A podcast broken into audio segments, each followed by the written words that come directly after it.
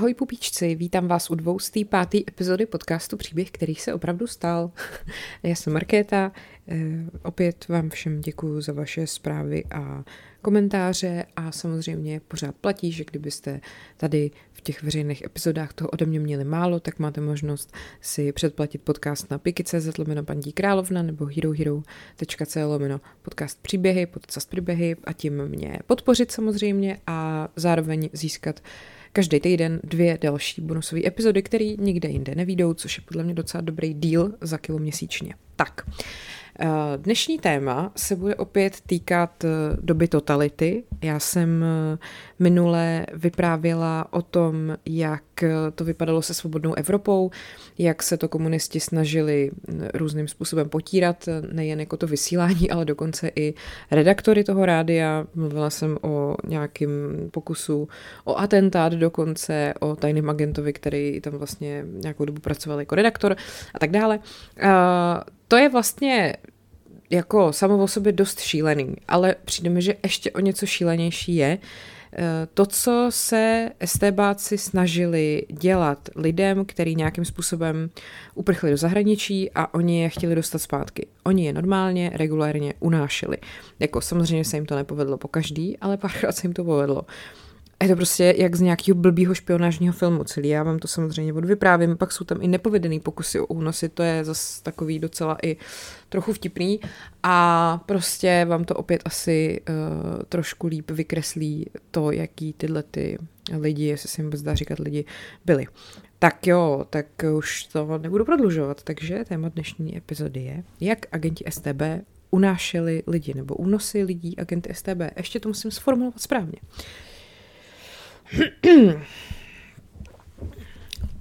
Tak.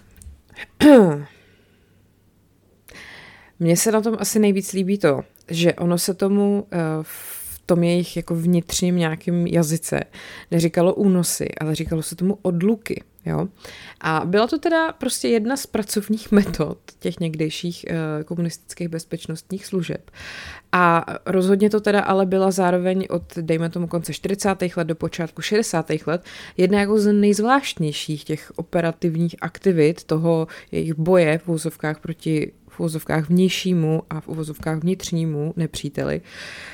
Um, ono vlastně v rámci uh, ministerstev národní bezpečnosti, nebo teda dneska vnitra a národní obrany, byl vydaný jakýsi centrální pokyn, který podřízeným tajným službám, hlavně teda STB, nařizoval provádět tyhle ty mm, opravdu docela brutální operace, jako co je řekněme, že je vražda a pak podle mě hnedka tohle. A mělo to docela široký rozsah. Samozřejmě ono to nejde úplně jako prokázat, že to byl nějaký centrální plán. Ono, o tomhle tom všem jsou ty záznamy takový jako zvláštní, ale prostě dělo se to.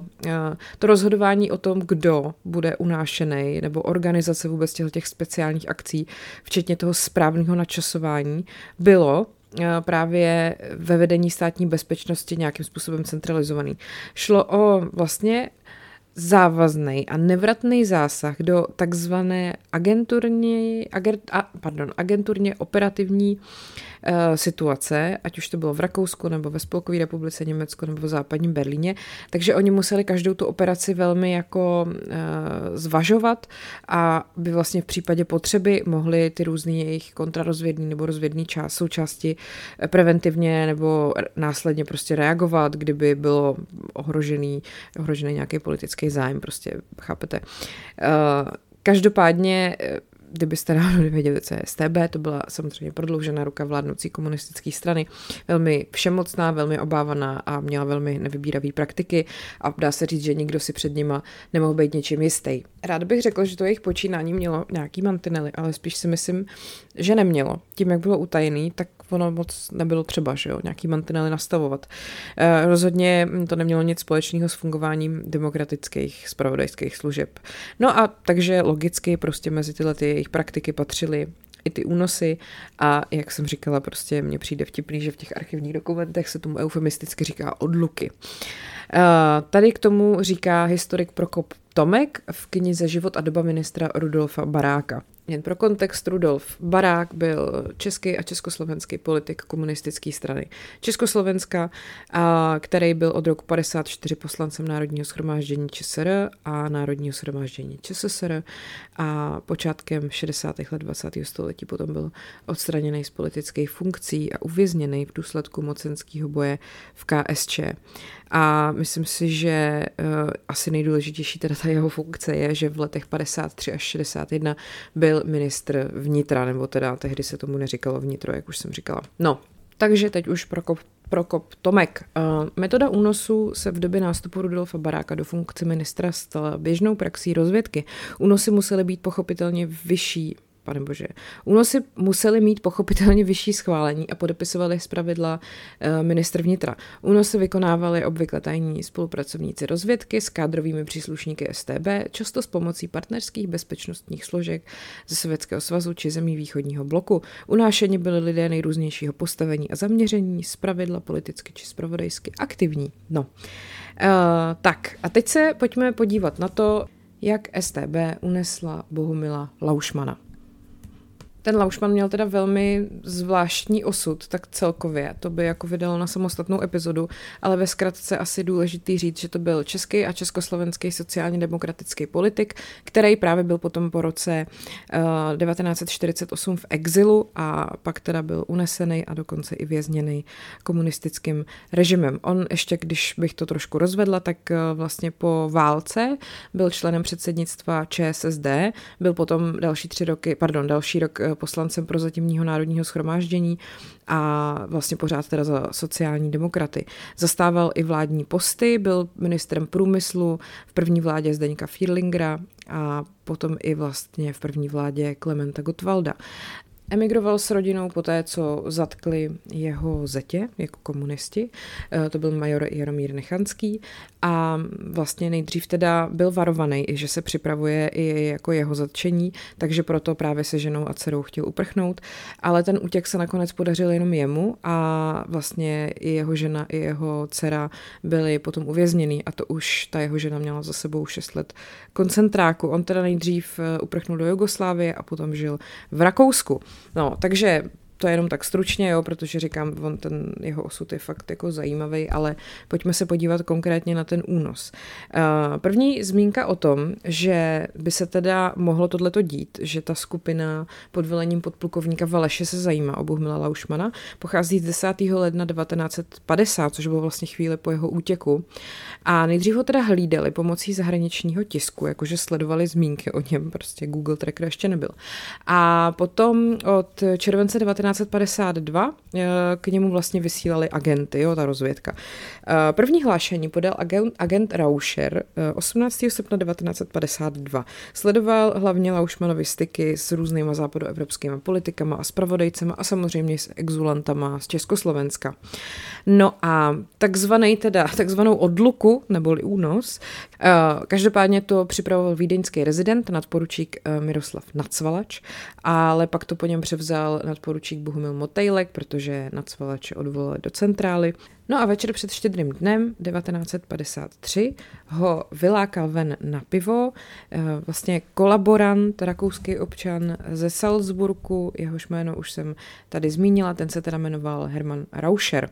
A eh, on vlastně přišel do bytu toho Laušmana a on bydlel u válečné vdovy Ravingerový eh, v sídlově ulici číslo 10 na okraji Salzburgu.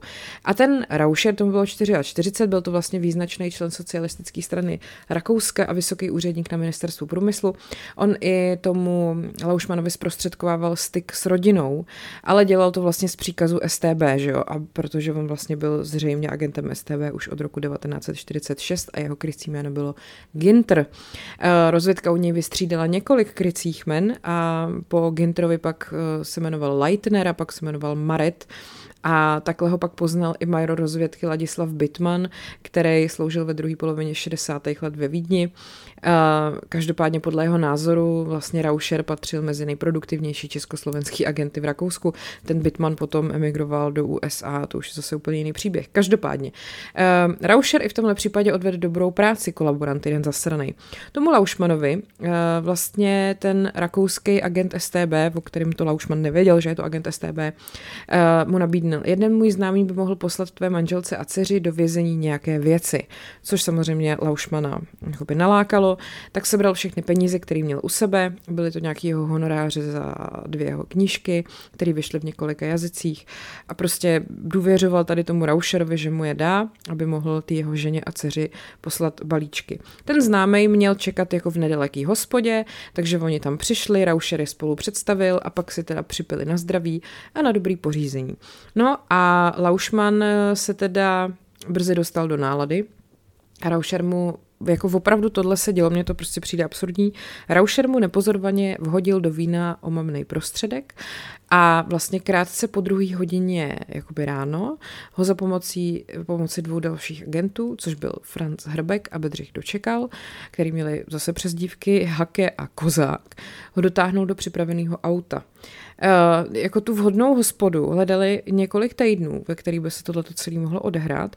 A vlastně našli jednu, která jejich úkolu jako odpovídala úplně báječně, protože ležela na samotě, okolo byly stromy, nikdo je tam nemohl jako vyrušit. A kdyby prostě je někdo, nedej bože, viděl, jak vlečou bezvládného člověka do auta, tak prostě vždycky si může myslet, že odváží opilýho kamaráda, že jo. No, takže jako tohle se stalo a pak teda zpráva. Dne 24. prosince 1953 od 2.10 do 8.45 hodin jsem prováděl eskortu Laušmana. Hlásil eh, teda ten agent náčelníku zprávy vyšetřování MB podplukovníku Milanu Moučkovi. Tento byl ještě pod vlivem požití alkoholu a jeho chování a jednání nasvědčovalo tomu, že si není vědom toho, co se s ním děje. Mluvil velmi nesouvisle a se zřejmými, zřejmými potížemi. Přeskakoval z problému na problém a vedle naprostých nesmyslů a fantazí hovořil o věcech, které se shodují s našimi poznatky a skutečně se udály, jakož i o přípravě některých jednání a akcí. Eh, závěrem upozorňuji, že Leishman dal během cesty několikrát najevo, že je přesvědčen, že jedná s Američany, kteří ho vezou na nějaké jednání do Innsbrucku, později dokonce do Itálie. No tak to je opravdu zvláštní, že když mu prostě, když ho nějak přivotrávili, tak měl blbosti a plácel pátý přes devátý. Uh, vlastně eh, ten Laušman eh, si potom jako sám pamatoval, že se zbudil v jedoucím autě a že už okolo sebe četl český nápis, jako dovedete si představit ten šok, jako tu, tu situaci, že se vám tohle to prostě stalo, že jdete v dobrý víře s někým jako na pivo, že mu dáte peníze pro svoji manželku a dceru, který prostě hnějou v nějakém zasraném vězení a pak se zbudíte a zjistíte, že prostě do téhle prdele vás vezou taky. Uh, já nemám jako k tomu už další komentář. Každopádně akce, která měla název Alex, skončila úspěšně. Oni teda opravdu dokázali za pomoci uh, i nějaký sovětský kontrarozvědky vlastně přes americký a sovětský okupační pásmo Rakouska převést Bohumila Laušmana až domů, do rodné země a na štědrý den ve tři čtvrtě na devět ráno ho předávali do věznice v Praze Ruzini. Eh, vlastně iniciátorem toho únosu Laušmana byl tehdejší vlastně předseda vlády eh, Fierlinger, Zdeněk Fierlinger, což tvrdil teda Rudolf Barák, ten tehdejší ministr vnitra. A ten to říkal v roce 1994, protože ano, byl stále naživu, protože tito lidé prostě nikdy nebyli potrestáni za to, co provedli. Eh, navíc ten, ten Fierlinger Hitler byl starý agent KGB a měl od toho Laušmana právě už zájem dřív, že ten barák říkal, že si myslí, že mezi nimi existovala nějaká stará prostě křivda a navíc teda, že tam velmi dobře spolupracovali Sověti, že Laušmana odvezli ve svém autě na hranice a předali ho našim, aby ho teda dopravili na tu Ruzini. Samozřejmě, že tenhle ten barák už nepřiznává, že písemný rozkaz k té odluce podepsal on sám 18. prosince v roce 53, což je taky jako uchylný, že oni prostě jsou tak takový hyeny, takový zrůd, když tohle udělají jako na štědrý den prostě. No, historik Karel Kaplan tvrdí, že Laušmanův únos byl součástí široce koncipovaného boje proti sociální demokracii, kterou uh, vlastně iniciovali sovětský poradci a uh, že Rusové se totiž obávali, že bývalí sociální demokrati můžou být nějaký informační zdroj západních agentů a taky nějakým podhoubem, kde by se mohla formovat opozice proti KSČ. No prostě samozřejmě zase paranoia non plus ultra. A samozřejmě, že státní bezpečnost se toho velmi s radostí chopila, protože oni potřebovali vykazovat výsledky nějakého boje proti tomu vnitřnímu nepříteli. Takže Oni vlastně měli i různý agenty provokatéry, že jo, takže vlastně i sami vytvářeli různý ilegální sociálně demokratické skupiny a e, potom přišlo interní hlášení STB 21. listopadu 1951, kde bohužel museli skonstatovat, že v ČSR neexistuje žádná jako větší skupina, která by byla výlučně složená z bývalých sociálních demokratů. Takže prostě chudáci neměli proti komu bojovat, no tak si museli najít někoho za hranicema. Eh, to bylo právě na podzim 53, eh, kdy zahájili akci, která se jmenovala Obnovitelé a to právě součástí této operace byl i ten únos toho Laušmana. No, eh, pojďme se podívat takhle pojďme se ještě podívat na to, jak to vlastně uh, s Laušmanem dopadlo. On, eh, jak se v tom zahraničí setkával s docela fakt jako důležitýma lidma, eh, tak jedním z nich byl třeba i československý velvyslanec ve Francii Gustav Souček. V prosinci se měl setkávat s ambasadorem Koupkem ve Vídni, znali vlastně oba ještě jako komunistický poslance z doby před únorem. Takže prostě to byl člověk, který měl zajímavý konexe a to se komunistům nelíbilo. Ještě mi přijde zajímavý ty, co mu tam vlastně asistovali, ty, ten jeden, co si hrál na toho uh, chlápka, který by dovez teoreticky do Československa ty peníze té jeho ženě. Uh, a dceři. Eh, to byl, jeden z nich byl 50-letý vídeňský Čech Franz Hrbek, byl to předválečný komunista a druhý pomocník byl 32-letý Bedřich Dočekal, který taky žil jako, ten žil ve Vídni a oni vlastně tím, jak byli jako takový ty starý soudruzi, tak měli tu Laušmanovu důvěru, jo? že on jako, ne, tam to nebylo tak, že on by si myslel, že každý komunista je hajzel nebo prostě ho zradí, tak t- tehdy to fungovalo jinak, protože byli, řekněme, hodnější komunisti a zlejší komunisti a on si samozřejmě říkal, tak když tyhle ty žijou tady, jakože taky v exilu, tak zřejmě budou na tom podobně jako já. No, nebylo to tak. Uh, potom až v květnu 68 se v pražském deníku práce objevil článek o podrobnostech únosu toho Laušmana a vlastně ta rozvědka kvůli tomu uh, s tím agentem Rauscherem na delší dobu přerušila styky. On byl teda už v té době jako v penzi a věnoval se špionáži jenom jako ze soukromé, prostě nějaká jeho soukromá záliba. A když potom eh, ten Ladislav Bitman utek v září 68 do Ameriky, což byl vlastně ten, který měl na svědomí i takovou tu akci STB s tím šumavským jezerem, kde se jakože údajně objevily nacistické dokumenty, nebyla to pravda, bylo to všechno jako úplně vyfabulovaný a Bitman o tom pak mluvil v USA až o spoustu let později, až když tam emigroval. No nic. Tak ehm, vlastně tomu Rauscherovi STB doporučila, aby se uchýlil do Československa a on teda dostal byt na zahradním městě v Praze a tam po deseti letech v klidu umřel. Laušman byl teda ve vězení a před volbama na jaře 54 dali na jeho celu eh, v Praze Ruzini Vojtěcha Erbana, což byl agent NKVD a STB, výborný člověk. Eh, a ten vlastně tomu Laušmanovi domlouval, aby vystoupil na tiskové konferenci proti emigraci a že za toho propustí na svobodu. I ten barák mu to sliboval, ale uh, asi to teda do, upadl, ježišmarja, dopadlo na úrodnou půdu. Uh, Laušman se opravdu nechal překecat a 15. května na tiskové konferenci požádal občany, aby šli volit kandidáty z komunizované národní fronty, ale oni teda ten slib nesplnili a nechali ho ve vězení dál.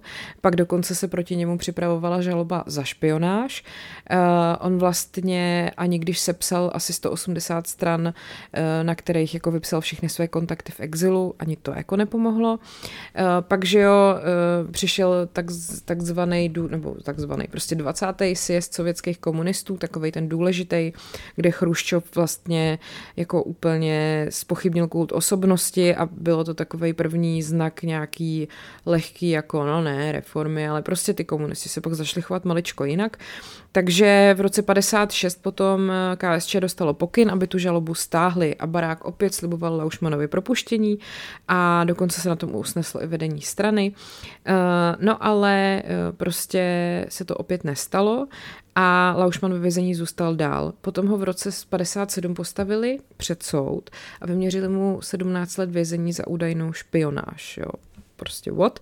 No a e, pak e, vlastně do jeho cely nasadili další dva STBáky a dokonce se potom jako stalo to, že tehdejší prezident republiky a šéf strany Antonín Novotný se prej údajně toho baráka jednou zeptal Rudlo a proč nepropustíš Laušmana a barák mu na to řekl, přivezl ho k nám agent, který je vysokým úředníkem na rakouském ministerstvu průmyslu. Kdyby vyšla jeho spolupráce s námi najevo, dekonspirovali bychom ho. OK.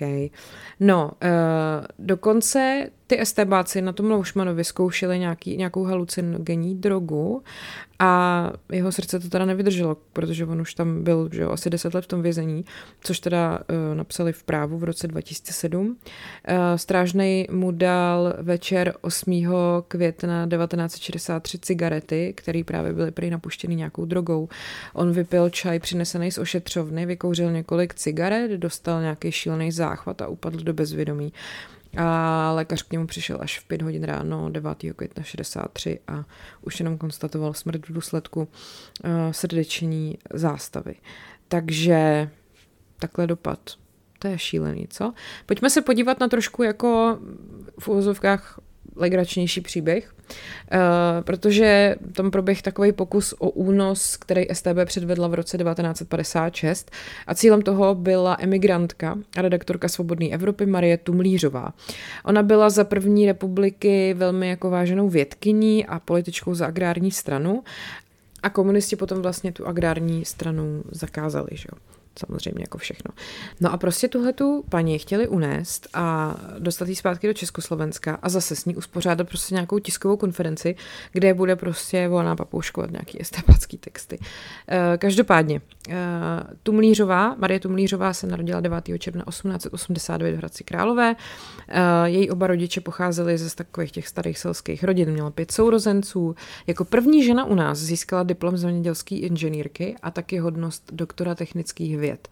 Eh, zkoumala fyziologii domácích zvířat, taky sociologii venkova a s manželem, teda, který byl eh, doktor inženýr, měla syna a dceru. Tak eh, v listopadu 35 potom jí zvolili poslankyní za agrární stranu a pak se za války nějak s manželem neangažovali. No a pak právě po, po komunistickém převratu v roce 48 odešli do exilu. Žili v Paříži a v Mnichově. Ona tam působila eh, v, v letech právě 51 až 57 jako zemědělská redaktorka Svobodné Evropy pod pseudonymem Maria Chaloupecká. Myslím si, že o Svobodné Evropě jsem toho minule už řekla dost, takže takový ten kontext už máte. Uh, promlouvala taky hodně k ženám a především k venkovským ženám, protože k ním měla blízko, psala do různých exilových časopisů a tak dále a tak dále. No. Eh, máme tady agenty, který se jmenují, nebo teda mají přezdívky Granada a Waldman a STB teda pověřila únosem tý Marie Tumlířový. Eh, ten agent Granada v 18 letech jako Miroslav Žarko se přihlásil v roce 39 na práci do Německa, pak vstoupil i do německé armády, dostal se k tajné službě Abwehr, eh, poslali ho do Holandska, kde se zapojil do odboje a když ho potom v říjnu 44 zajala americká armáda tak a po výslehu předali Britům, tak eh, on potom v Anglii vstoupil do polské armády, no jako velmi zvláštní. V letě 45 se potom Eh, v Anglii a v Holandsku pod jménem Georg Grant pustil do studia medicíny, ale mezi tím si ovšiml výzvědné služby americ, eh, americký a britský, protože uměl česky, německy, anglicky, holandsky, prostě ideální člověk na nějakou tajnou práci a začátkem 50. let potom se ale vydal ilegálně do Československa, tam ho chytili Němci a poslali ho tábora Valka. Eh, okamžitě tam začal fungovat jako lékař a seznámil se s mladíkem, který byl agentem STB pod krycím jménem Student. A Student v dubnu 55 potom Grantovi slíbil, že ho dovede právě do Československa.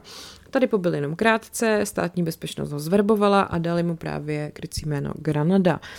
Pak se vrátil do té Valky, tam se setkal s 20-letým Josefem Lahovičem a tak se spolu domluvili a protože Lahovič chtěl taky domů a Granada přivedl Lahoviče v létě 55 do Československa a v, potom se vlastně Lahovič stal agentem STB Waldmanem a vrátil se do západního Německa, aby pomáhal Granadovi. To je jako opravdu až skoro romantický příběh krásného přátelství. No a pak teda byli v roce 56 vyslání, ukolování a zaměření na likvidaci té, neboli zřejmě Marie Tumlířové. Tak, ale postupovali teda velmi jako amatérsky. Oni přepadli za bílýho dne 11. června 1956 přímo na parkovišti před svobodnou Evropou. Praštilí prosím nás klackem do hlavy, jenomže Maria Tumlířová měla drdol a ten vlastně tu ránu stlumil. Takže neomdlela, ale volala o pomoc a lidi vlastně oba ty agenty chytili. A soud jim pak vyměřil čtyři a dva roky vězení. Eh, ten Žarko alias Grant se potom obrátil na obchodní misi ve Frankfurtu, aby se mohl jako vrátit a vedení kontrarozvědky to odmítlo. Prostě nemají o něj zájem, ať si tam zůstane.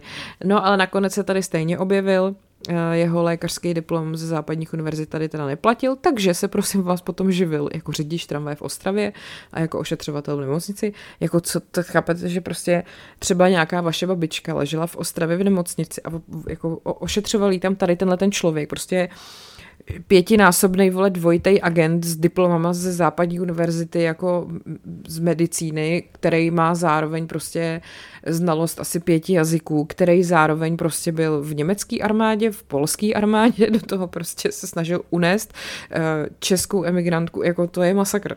No nic, eh, v roce 1970 potom odjel tenhle ten Grant do Švédska a tam si dal uh, vyřídit nostrifikaci svého lékařského diplomu pro Československo a ve Skandinávii prej už na věky zmizel.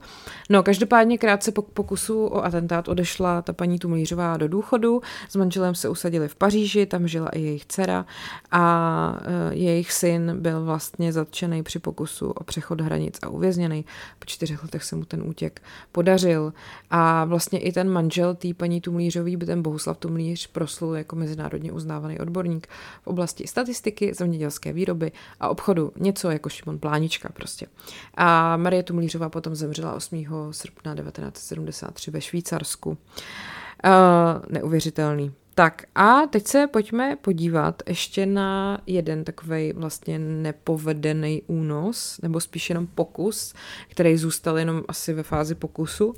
A to chci mluvit o Aje Vrzáňový, což eh, byla vlastně slavná krasobruslařka, eh, která právě taky emigrovala a bylo to jako velký pain in the ass komunistů.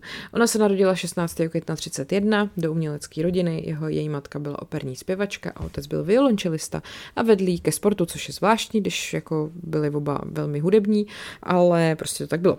A dali jí na lyžařský tréninky v Krkonoších, což ji velmi bavilo, ale potom kvůli německým nepokojům v Sudetech vlastně na ty hory už ta rodina nemohla tak moc jezdit a její maminka ráda bruslila a tak přihlásila vlastně Alenu v šesti letech na krasobruslení. Moc ráda jsem lyžovala, ale bruslení byla hrozná otrava, stále do kolečka dokola, neuměla jsem žádné skoky ani figury a tak jsem, tak první sezóna přešla bez úspěchu, vzpomínala pak později Áňa Vrzáňová. Vrzáňová, pane bože, pro exilový časopis Západ. No, ale pak jí maminka naučila pár malých skoků, nějakou piruetu, obraty a už jí to samozřejmě začalo bavit. A v osmi letech vyhrála nad 12 letýma závodnicema a získala první trofej a samozřejmě tomu postupně propadla.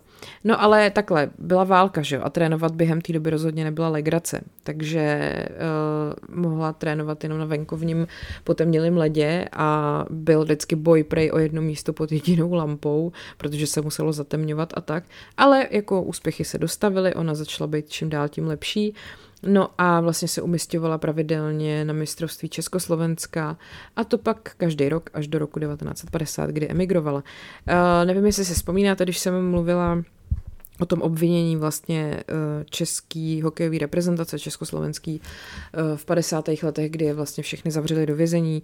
Eh, to byl ten tým Bohouše Modrýho, který vlastně komunisti podezřívali z toho, že chtějí emigrovat násled, protože jako měli odletět na Olympia, Ježíš mistrovství světa a komunisti prostě pod záminkou toho, že oni určitě by tam zůstali, tak je nikam nepustili. Následně kluci na to nadávali v hospodě, kde seděli agenti, všechny je zavřeli. A vlastně ta paranoja těch komunistů eh, vycházela i z toho, že právě chvíli předtím emigrovala a já hrz... Ježišmarja, Vrzáňová, do prdele už, pardon. No, uh, tak a teď teda, jak to, jak to bylo s tím jakože pokusem o únos. No, ona se v roce 1949 uh, eh, umístila druhá na mistrovství Evropy v Miláně a potom uh, vlastně ten samý rok uh, vyhrála mistrovství světa v Paříži. No a olympijské hry teda minuly, protože ty potom, ty byly vlastně v roce 48 a pak v roce 52 a v tom roce 48 ještě byla moc mladá. No ale eh, vlastně v roce 49 právě komunisti eh, na, tu, na to mistrovství, na to mistrovství světa do té Paříže povolili vycestovat jenom té Aleně nebo Áje, jejím rodičům ne. A navíc ji na každém kroku doprovázeli dva STBáci a byli velmi nervózní, když se kamkoliv vzdálila. Eh, po mistrovství potom byla pozvaná na exibici šampionů do Švédska, Norska, Anglie, Kanady a USA. Ale do Kanady mě nepustili, protože to bylo příliš daleko na západě, velmi mě to mrzelo, chtěla jsem reprezentovat Československo, jak jsem nejlépe dovedla a bylo to vlastně ostuda, že jsem jako mistrině světa nemohla reprezentovat svou zem. No a ty politické podmínky tady se samozřejmě zhoršovaly a jí se potom v podstatě, nebo téměř jako nepovedlo ani vycestovat další rok na to, aby obhájila ten titul, že jo, té mistrině. Na úřadech v Praze mi řekli, že jeden titul stačí a že mě pošlou do Moskvy, kde budu trénovat sovětské bruslaře. V té době tam ještě neměli žádné bruslaře ani hokejisty. Slibovali mi vilu v Moskvě a kariéru filmové hvězdy. A rudý právo o ní začalo psát štvavý články, že rozhazuje valuty a že by měla trénovat doma jako ostatní. Moc pěkný. Jenže prostě ona nic takového nechtěla. Chtěla uh, odjet na ten šampionát do Londýna a už se tam nevrátit, což jí poradil pro její tatínek, když spolu byli na Karlově mostě, protože doma byli odposlouchávaný. A uh, že by měla emigrovat do USA a tam jezdit největší světovou lední reví pro profesionály. Což ona sama říkala, že to byl hodně velký úkol pro 18-letou holku. No, tak ona se nejdřív teda stala v Oslu zase mistrní Evropy a potom v březnu 1950 v Londýně se stala zase mistrní světa. Na 16 členů československou výpravu bruslařů připadalo 16 STBáků a samotná Aja Vrzáňová měla hnedka tři. A oni samozřejmě velmi těžce nesli, že bydlí ve vile u svého trenéra, protože tam se jim jako hůř hlídala. A po vítězství soudruzi pozvali na oslavu na velvyslanectví, což byla jenom taková léčka, ale ona na to neskočila. Utekla i s trenérem z obklíčený vily do Paříže a hned na letišti na ní čekali další agenti a oznámili, že se musí vrátit do Prahy. Vymluvila se, že po exibici se ještě musí vrátit do Londýna pro kufry a pak jí trenér ukryl do svý vily a zakázal vycházet. A těm agentům docházela trpělivost, byli hysterický eh, z toho, že by tato prostě naše nejlepší sportovkyně eh, se nechtěla vrátit zpátky. Začal hrozný nátlak, stále mi volali a vyhrožovali, že zavřou rodiče, že už je neuvidím. V Praze skonfiskovali moje trofeje a všechny věci. Hrozné nervové vypětí, byla jsem zoufalá. No a když se tři dny kolem vily nic nedělo, proklouzla ven, chtěla jen do místního obchodu a když se vracela, tak už slyšela zase uh, hučení limuzíny a viděla dva chlápky v černých kabátech. Bylo to jako ve špatném detektivním filmu. Začala jsem utíkat páně za mnou. Doběhla jsem až k brance, ale byla jsem tak nervózní, že jsem ji nemohla otevřít. Držela jsem se branky a volala o pomoc. Už byli u mne, naléhali na mne a vyhrožovali. Jeden muž mě držel a auto stálo vedle. Byla to situace, ve které jedna minuta byla rozhodující. No a v poslední chvíli se otevřely dveře a objevil se tam ten její trenér Arnold, který se zrovna vrátil mm, zpátky domů s nějakýma dvouma anglickýma úředníkama, takže k ní utíkali, vzali ji dovnitř a ona hned na místě dostala politický azyl. Řekli, že jsem od této chvíle pod ochranou anglické vlády a že budu mít nějaké potíže, Československo bude mít mezinárodní problém. Ty vole. No a druhý den teda potom i v československých novinách vyšla oficiální zpráva o tom, že Aja Vrzáňová zůstala v Anglii a potom to její pronásledování skončilo a komunisti v podstatě úplně jako vymazali. Takže To je příběh, který se opravdu stal. No a pak tady máme takový poslední a to je plánovaná pomsta STB, která nevyšla, totiž plánovaný únos mašínů protože tak samozřejmě všichni víme, co mašíni udělali a jak se dostali z téhle země pryč. No a STB to samozřejmě nechtěla nechat jen tak, když tak epizoda o mašínech tady taky někde je, takže si ji můžete pustit. Pojďme se na to podívat. 11.6.58 na třetí zprávě STB byl zavedený nejdřív pátrací a potom i pozorovací svazek na Josefa Mašína. Uh, oni vlastně uh, potom krycí jméno toho pozorovacího svazku bylo bratři a byly tam včleněny další tři části, které byly vedený o těch osobách o který, řekněme, měl STB zájem, což byl Stírat Mašín, Zdenka Mašínová mladší a Milan Paumer, to znamená Josefův bratr, jeho sestra a ten Milan Paumer, který vlastně jim pomáhal uh, při tom útěku. No a potom 30. května 62 jeden operativní pracovník navrhnul takzvanou akci v zahraničí a cílem bylo zjistit možnosti únosu Josefa Mašína a jeho dopravu do ČSR, pak jeho následný odsouzení a samozřejmě využít to propagandisticky jako mm, pro vlastní dobro. Eh, a zároveň teda byly i stanovený, kde on vlastně bydlí, eh, nebo teda minimálně kam si nechává posílat poštu a pak taky další adresa v Kolíně a tak se navrhlo, že se teda bude sledovat. No a vlastně měl potom, takový byl další jako spolupracovník, který měl zjistit přesnou adresu v tom Německu, poznávací značku jeho auta, všechno o jeho zaměstnání, potom taky získat jeho aktuální fotografii, sledovat ho v místě bydliště. Um, a vlastně se to celkem jako docela všechno podařilo, protože uh, tady máme uh, agenta, který se jmenoval Oskar Černý a měl krycí jméno Tomáš. Byl to absolvent lékařské fakulty Univerzity Palackého v Olomouci, byl teda státní bezpečností získaný ke spolupráci v roce 58 a víte jak? STBáci na něj naschromáždili kompromitující materiál, protože jeho milenka uh, vlastně neoprávněně nechala přerušit těhotenství. To je fakt jak z nějakého blbýho románu. Takže se pak různě i podílel na vylučování různých studentů medicíny ze studií, co, co byly nějaký jako reakční studenti, takový, co dělali jako problém. Uh, nicméně tady ten Oscar Černý si získal brzy důvěru z Denky Mašínový, a vlastně potom díky tomu se pak eh, několikrát sešel v Německu a Rakousku s Josefem Mašínem. A všechno to samozřejmě lifroval zpátky uh, na tomu centrálnímu orgánu a STBáci ho pravidelně úkolovali, kdy měl prostě zjišťovat uh, přesný popis toho mašína, jestli pije alkohol, v jakém množství, jestli kouří, bližší údaje k jeho adrese, popsat okolí domu, kde bydlí, s kým tam bydlí, kdo bydlí v okolí, s kým se stýká, prostě úplně komplet všechno, což prostě o člověku nezjišťujete jenom tak, že jo. 11. prosince 63 vyhodnotil kapitán Jindřich Steklý z prvního oboru druhý, odboru druhé zprávy ministerstva vnitra veškerou získanou dokumentaci té akce Bratři a pak tady takovým zakukleným legračním způsobem vlastně teda píše nebo říká, že se rozhodli, že ho unesou. S Josefem Mašínem, se kterým se již dvakrát setkal náš spolupracovník Tomáš v zahraničí, připravujeme agenturně operativní kombinaci na rok 1964, jejímž cílem je jeho zatčení.